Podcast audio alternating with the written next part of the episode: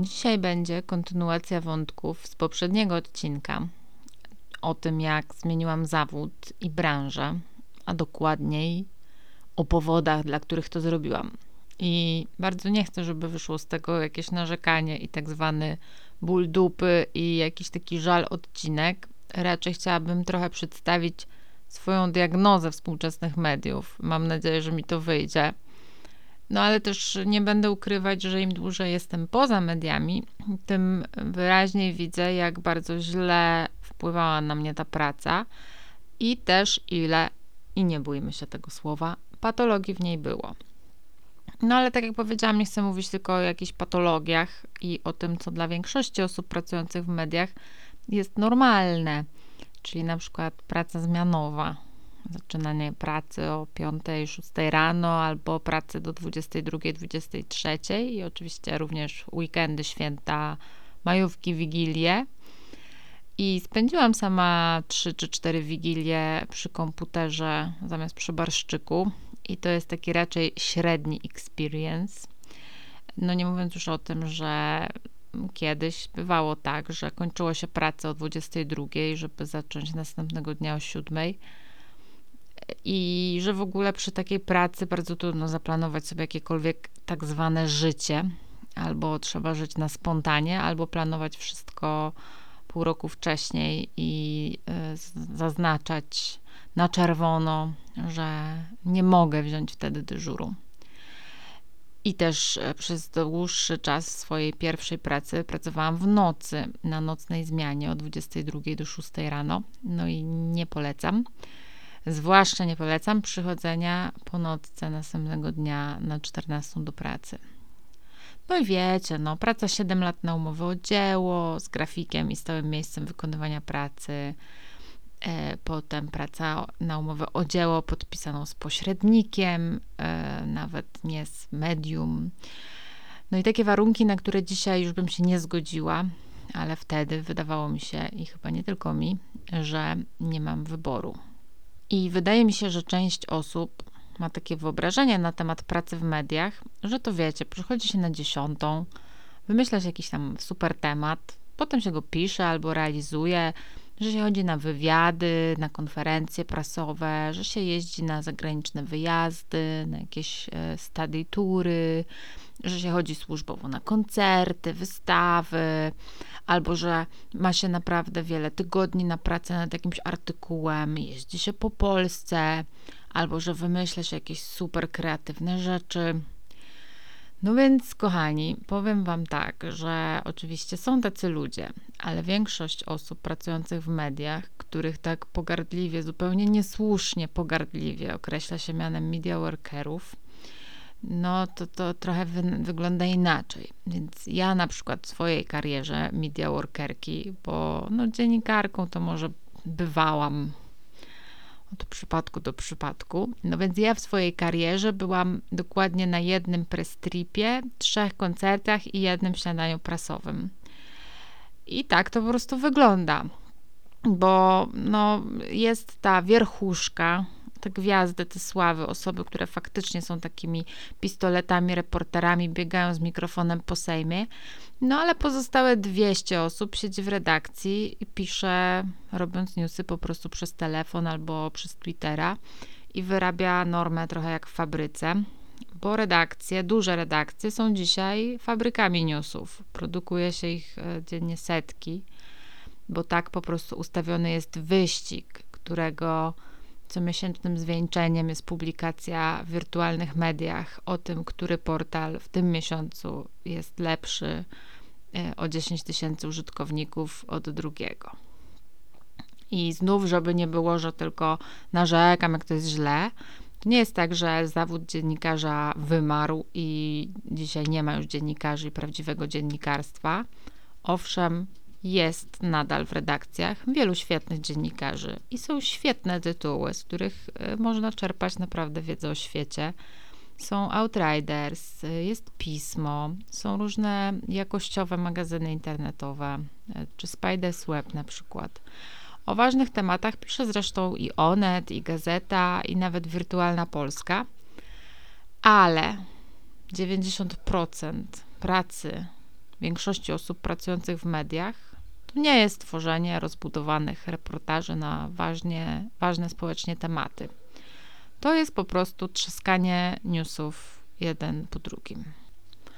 I totalnie nie zgadzam się ze stwierdzeniem, że media serwują nam dzisiaj wyłącznie papkę, którą my po prostu połykamy jak bobasy.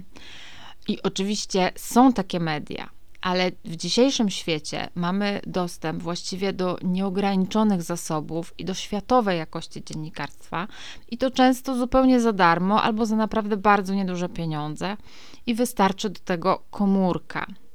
Natomiast jeśli chcemy jeść papkę, no to można. Czemu nie? Ale to nie jest jedyny przekaz i jedyne źródło wiedzy, bo są świetne dziennikarskie profile na Instagramie, są znakomite podcasty, jak Dział Zagraniczny, czy Raport o stanie świata, jest brief Outridersów. No generalnie naprawdę jest co czytać i skąd czerpać wiedzę o świecie. I trudno mi bardzo zaakceptować takie stwierdzenie, że ja się nie interesuję polityką, nie mam telewizora, nie obchodzi mnie to, co się dzieje.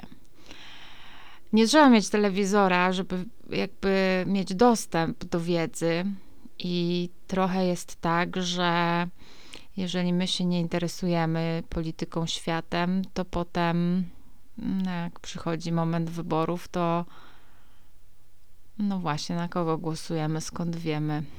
E, wydaje mi się, że dziś raczej trochę trudno się nie interesować po prostu tym, co się dzieje na świecie, bo to ma wpływ na wszystko, na całe nasze życie.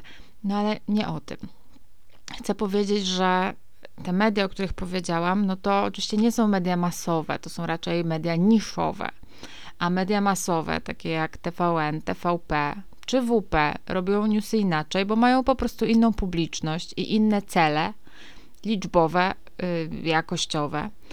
I można jeść papkę, a można jeść kawior z porzeczek z ciekłym azotem na pianie spalonego masła, jak u Wojciecha Modesta Basiury Amaro. I problem, jaki ja widzę w mediach masowych, jeżeli byście mnie oczywiście o to zapytali, jest taki, że mechanizm stworzony kilkanaście lat temu, gdy rodziły się portale informacyjne w Polsce, przy tej ilości informacji, jaka jest dzisiaj, po prostu nie działa. Ta ilość jest po prostu nie do przerobienia przez tych ludzi, którzy pracują w redakcjach. I trochę jest tak, że media masowe nie chcą wybierać, o czym pisać, bo chcą napisać czy powiedzieć o wszystkim, tak żeby móc konkurować w każdej kategorii. Czy będzie to analiza sytuacji w Jemenie albo gdzieś indziej na Bliskim Wschodzie, czy nowe majtki Anny Muchy. I przez to, że nie chcą wybierać, po prostu łykają wszystko, ale mechanizm nie daje przerobić tej masy na ładne i porządne artykuły, no więc czytelnik dostaje czasami takie ogryski, okrawki, yy, które czyta i się wkurza, że są powierzchowne albo z błędami, albo że wkurza się, że jacyś nieudouczeni dziennikarze to piszą i że te artykuły nic nie wnoszą do naszego życia, bo kogo obchodzi kolor sukienki, Julii Wieniawy na premierze e, nowego filmu Patryka Wegi. No ale ludzie i tak czytają o tej sukience i o majtkach Hanny Muchy też. I ja w swojej ostatniej pracy w WP właśnie obsługiwałam taką prasę, przez którą przeciskało się codziennie te masy informacji. I człowiek ma ograniczone możliwości w ogóle percepcji, uwagi, uważności, więc po 8 godzinach przy tej wyżymaczce to czasem no, nie wiedziałam, jak się nazywam, czy się mówi Irak, czy Iran i kto jest ministrem finansów, mimo że cały dzień produkowaliśmy newsy o ministrze finansów na przykład. I ta kroplówka informacji z Twittera, z, od konkurencji, z telewizji, no ona jest uzależniająca.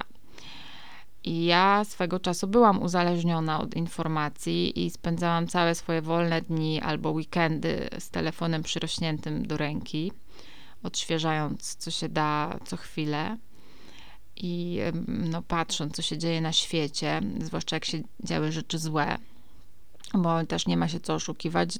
Dla mediów najlepiej, jak się dzieje dużo i źle, bo wtedy ludzie oglądają, czytają, klikają, ma się wzrost. No ale ja w pewnym momencie po prostu się złamałam. w pierwszym lockdownie w zeszłym roku po prostu tylko ten licznik zgonów i zakażeń przesuwał się przed oczami codziennie i zaczęłam mieć od tego takie napady lęku. Że jest COVID, że jest kryzys klimatyczny, że gdzieś jest trzęsienie ziemi, gdzieś jest jakiś wybuch, ludzie umierają z głodu, że zaraz po prostu świat się zawali, spłonie, wybuchnie, a ja po prostu umrę razem z tym telefonem przyrośniętym do ręki. I poczułam wtedy, że to jest coś bardzo nie tak z tym, że to jest bardzo niezdrowe i że to mnie po prostu unieszczęśliwia i że nie chcę tak żyć i że nie chcę żyć w tym świecie złych wiadomości. Jest, słuchajcie, naukowo udowodnione, że dziennikarze mają ogólnie dużo gorszy obraz świata niż na przykład ludzie, którzy nie śledzą mediów na bieżąco. I jest taki test Gapminder, e, do którego wkleję Wam linka. Możecie go sobie zrobić, by zobaczyć, jak Wy myślicie o świecie i jakie macie zdanie i czy ono się pokrywa ze stanem faktycznym. Więcej nie będę zdradzać, żebyście mieli niespodziankę, ale polecam sobie to zrobić. I oczywiście w mediach zawsze lepiej będą się klikać tragedie i złe wiadomości. Tak już jesteśmy skonstruowani. Ale oczywiście są też dobre rzeczy, które się wydarzają i to niekoniecznie gdzieś daleko na świecie, ale tak wokół nas. No i um, szkopuł tylko jest taki, że trzeba je umieć dostrzec. A jak ma się zalew złych wiadomości, to trochę trudniej.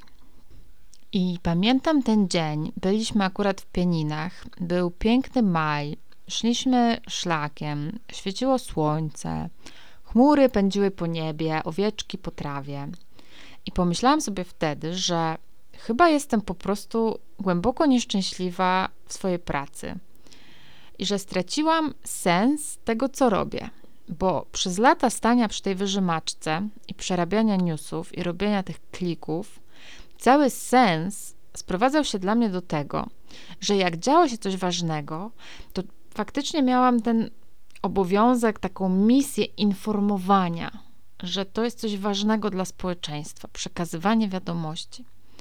A po drugie, że w tym całym syfie i pisaniu o, o kapie w kuchni um, Julii Wieniawy można czasem zrobić coś dobrego, opowiedzieć czyjąś historię, zebrać hajs, pomóc komuś uporać się z traumą albo z jakąś trudną historią. Ale w pewnym sensie zrozumiałam, że w moim przypadku to było jednak oszustwo. Że to się tak mówiło, mówiło się tak rozmówcom, że niech pani mi opowie, ta historia może pomóc innym, to pomoże pani się uwolnić od ciężaru. No ale bądźmy szczerzy, według mnie w większości przypadków i tak nie chodzi o żadne uwolnienie, tylko chodzi o kliki i chodzi o to, by jednak mieć story i tego zapłakanego bohatera w kadrze. Tak uważam. Może gdybym pracowała w innej redakcji i zajmowała się innymi tematami, to by było inaczej. Ale pracowałam w medium masowym, które co miesiąc czytało 20 milionów ludzi. I owszem, jest kilka rzeczy, z których jestem dumna, ale wieszałam też na stronie takie, za które było mi wstyd, albo takie, z którymi się fundamentalnie nie zgadzałam, nie zgadzam. I te moje poglądy w końcu zaczęły mi przeszkadzać.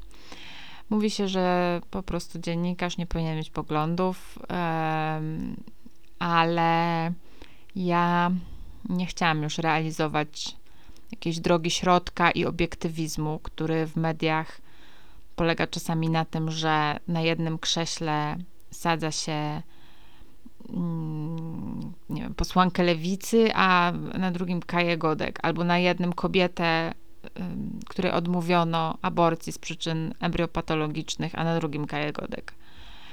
No, chciałam mieć swoje zdanie i chciałam je móc powiedzieć. Dlatego zaczęłam nagrywać podcast. I miałam też kiedyś taką rozmowę, która dała mi do myślenia. To była rozmowa na Messengerze z kimś, kogo namawiałam na wywiad dla WP i ten ktoś się nie chciał zgodzić, bo miał złe doświadczenia z przeszłości. Wtedy poszło o mm, taki zmanipulowany tytuł i falę hejtu, którą, która zalała tę osobę po artykule. I to była osoba, która zajmowała się, powiedzmy, edukacją ekologiczną, takim warsztatami zero waste, e, zdrowym stylem życia. I ona tak zupełnie serdecznym tonem powiedziała mi, że bardzo mi współczuje pracy w takim miejscu. Ja się trochę obruszyłam, no bo ej, Wirtualna Polska, no hello, jeden z dwóch największych portali w Polsce.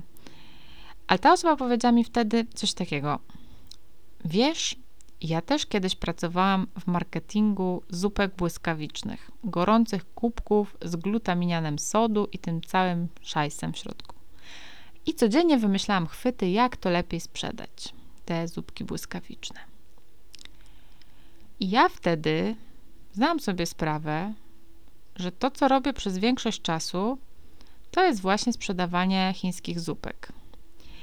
I że to jest w ogóle totalnie niezgodne z tym, co ja myślę o świecie, co ja chcę jeść, jakie mam podejście, jak chcę żyć i jakie wartości są dla mnie ważne. I poczułam w sobie taką wielką niezgodę na to, co robię.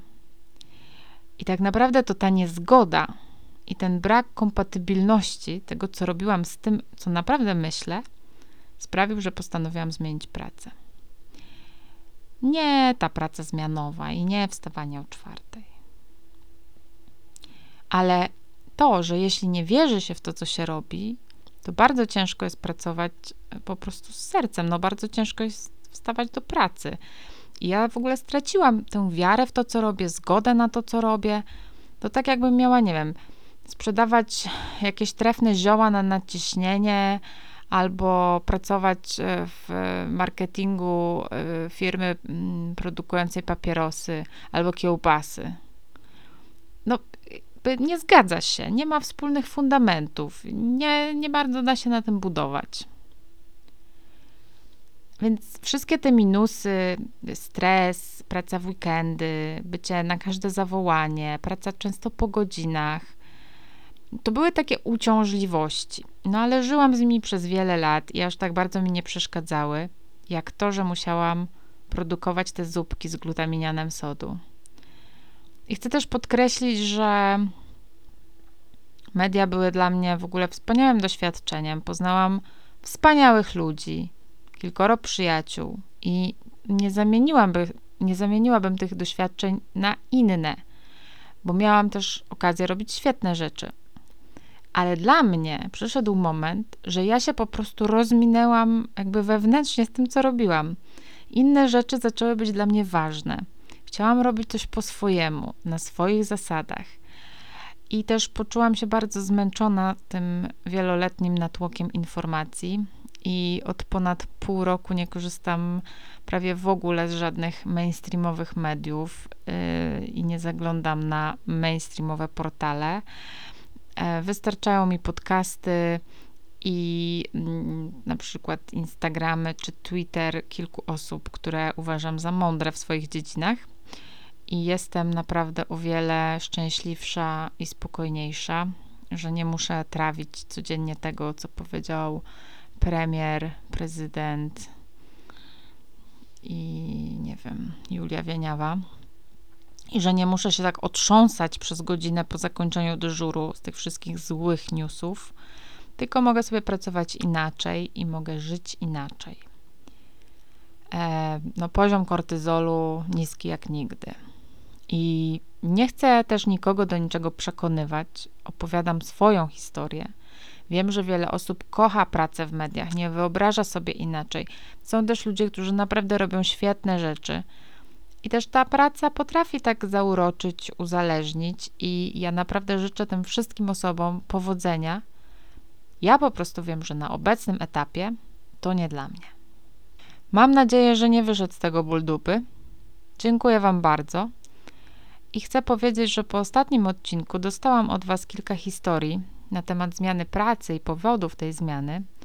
I są tam rzeczy radosne, ale są też historie straszne. Dlatego następny odcinek to będzie odcinek o Waszych historiach z pracy i o tym, jak się w Polsce w XXI wieku pracuje. I już Was na ten odcinek serdecznie zapraszam. A jeśli jeszcze chcecie się podzielić swoją historią, to jestem i czekam. Na szezlongu czekam. Dajcie znać. Do usłyszenia.